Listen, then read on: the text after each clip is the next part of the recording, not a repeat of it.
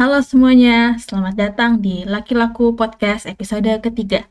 Jadi uh, minggu lalu kan kita udah berbicara nih tentang uh, alasan-alasan kenapa sih kita harus berikan di Facebook dan uh, kita juga dapat pertanyaan nih Mas Adit dari para pendengar kita. Jadi gimana sih cara terbaik untuk menetapkan uh, dari tujuan campaign kita di Facebook? Jadi uh, kayaknya hari ini kita membahas hal itu deh Mas.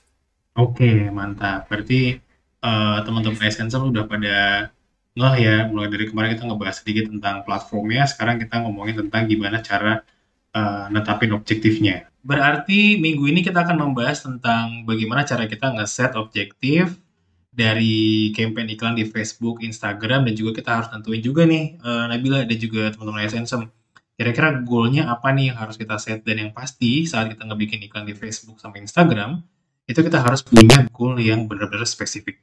Misalnya nih, contohnya untuk meningkatkan revenue gitu kan ya, itu goalsnya tuh beda gitu kan ya, dengan untuk kita meningkatkan follower di Instagram atau juga mungkin untuk meningkatkan brand awareness. Nah, di Essence sendiri Nabila dan juga teman-teman Essence, kita tuh percaya banget kalau yang namanya bisnis ya, apa pun bisnisnya itu mereka harus punya goal dan goalnya tuh harus SMART, S-M-A-R-T. Kira-kira uh, boleh dijelasin nggak sih Mas buat para pendengar nih, apa sih SMART itu atau S-M-A-R-T itu? SMART itu sebenarnya kepanjangan dari specific, measurable, achievable, relevant, and time bound. Contohnya gini nih Nabila, kalau misalnya teman-teman ASN punya brand gitu kan ya, dan pengen meningkatkan jumlah visitors gitu ke websitenya atau meningkatkan jumlah pengunjung ke Topetnya, pengunjung ke Shopee-nya dengan jumlah mungkin sekitar 10 ribu di akhir bulan Agustus. Nah, itu tuh adalah uh, goalnya tuh berarti. Nah, goal itu harus spesifik. Jadi, teman-teman juga harus menentukan berapa jumlah angkanya yang harus kita raih pada saat akhir campaign. Dan tentunya itu juga harus kita bisa ukur dengan misalnya nih kalau setelah mereka berkunjung gitu kan ya, apa yang apa sorry, untuk mereka bisa berkunjung itu apa yang harus kita lakukan. Nah, itu yang kita sebut dengan uh, measurable, terus juga achievable. Maksudnya achievable di sini adalah masuk nggak nih dari goal yang sudah teman-teman bikin. Jangan sampai, oh saya pengen meningkatkan jumlah visitor saya ke Shopee 1 juta, tapi ternyata kamu mungkin budgetnya masih uh, biasa aja, belum terlalu banyak. Dan yang pastinya itu juga harus relevan dengan objektif bisnis. Misalnya nih, teman-teman Essence pengen meningkatkan penjualan. Tentunya kontennya harus juga di sesuaikan dong gimana cara meningkatkan penjualan. Beda mungkin kontennya kalau kita mau ningkatin brand awareness. Sama juga yang terakhir nih kita sebut dengan time bound. Yang artinya adalah kita harus punya tenggat waktu tertentu. Kapan kita bisa mencapai goal dari objektif sudah kita tentukan sebelumnya. Tapi uh, sebenarnya aku masih bingung mas, gimana sih smart itu uh, dikategorikan relevan dengan uh, goal iklan kita dari Facebook sendiri? Jadi sebenarnya kan advertising di mana pun itu ya punya peran penting ya untuk kita bisa meraih objektif atau bisnis goal kita. Yang tadi sempat saya singgung tuh entah itu mungkin meningkatkan brand awareness atau untuk meningkatkan penjualan. Misalnya nih kita pengen uh, meningkatkan lagi orang-orang yang minat mereka tuh lebih tinggi lagi terhadap produk atau servisnya dari teman-teman Essence dan minta mereka untuk bisa take action. Misalnya contohnya untuk download atau mungkin mengisi form, atau mungkin chat ke WhatsApp, atau mungkin untuk beli langsung, baik itu di Shopee, Tokopedia, ataupun di websitenya. Nah ini nih, kenapa Smart itu uh, relevan banget gitu kan ya dengan uh, Facebook objektif atau mungkin iklan objektif dari Facebook. Kenapa? Karena dari tadi semua saya sebutin, mulai dari brand awareness sampai ke purchase, itu semua bisa kita lakukan di Facebook Ads dan juga di Instagram Ads. Nah hari ini kita akan ngebahas lebih detail tuh, bagaimana iklan-iklan di Facebook dan Instagram itu bisa mencapai dari bisnis goalnya. Jadi yang pertama-tama kan saat kita nih membuka Facebook Ads Manager, mm -hmm. saat kita mau membuat iklan, uh, langkah pertama yang harus kita lakukan tentunya adalah untuk uh, nentuin dari goal dari sales kita sendiri ya. Jadi mm -hmm. uh, ini kita akan membicarakan lebih rinci. Jadi uh, misalnya kan saya sebagai pengiklan nih, uh, saat saya membuka Facebook Ads Manager ini, pada saat saya membuat iklan, kira-kira apa sih langkah pertama apa sih yang harus uh, saya lakukan selain dari memilih tujuan iklan tersebut? Pada saat Nabila atau teman-teman ASN ngebuka FBM atau Facebook Business Manager dan menuju ke si Ads Manajernya, kan kita kalau mau create iklan tuh langsung dipilih tuh kita mau ada di funnel yang mana? Apakah funnel di atas, yaitu adalah awareness, funnel di tengah, consideration, atau di funnel di bawah, yaitu untuk specific action yang menuju ke purchase. Nah, di sini kita sudah bisa menentukan nih Nabila dan juga teman Essensem. Kalau misalnya sudah masuk ke situ, kita harus tentuin, oh kalau brand saya baru, belum punya banyak pelanggan, berarti mungkin saya harus meningkatkan brand awareness-nya dulu.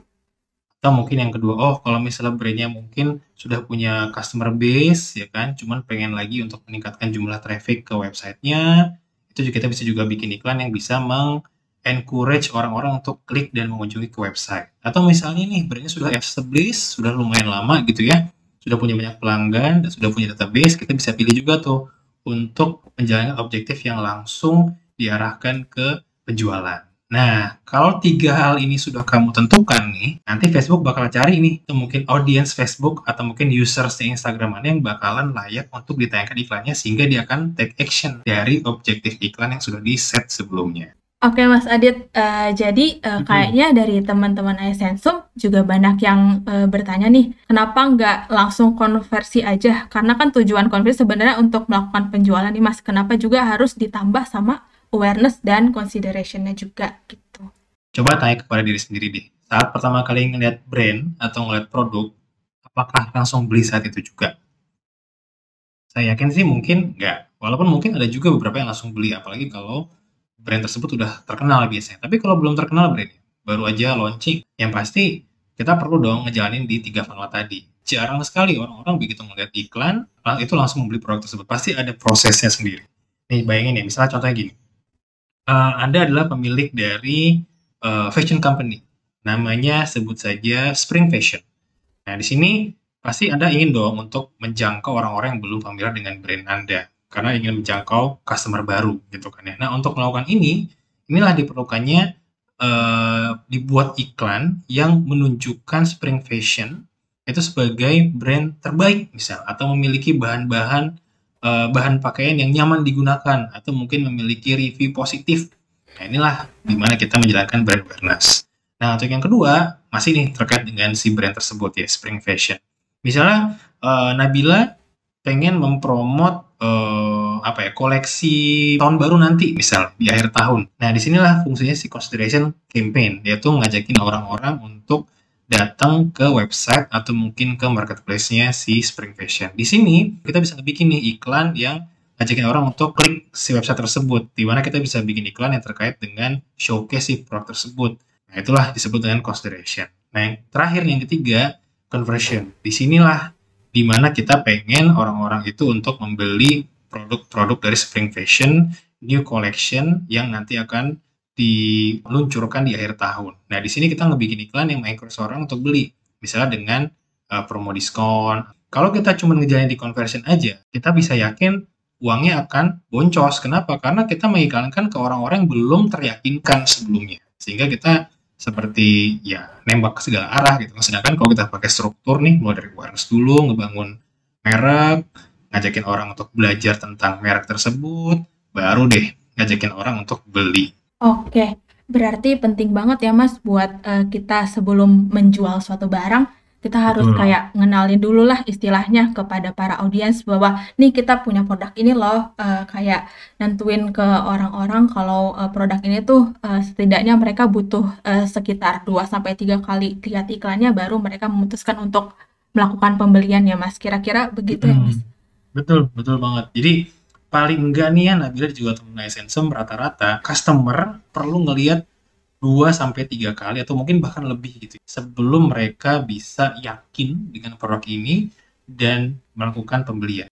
Oke, bener banget tuh Mas Adit. Uh, banyak juga brand brand-brand yang memang fokusnya ke conversion, cuman uh, mereka kadang nggak sadar bahwa awareness mereka tuh sebenarnya masih kurang ya Mas dan mereka terlalu fokus di conversion makanya mereka melupakan dari awareness dan juga considerationnya sendiri. Oke, kalau begitu uh, terima kasih uh, teman-teman iSensum sudah mendengarkan uh, Laki Laku Podcast episode ketiga.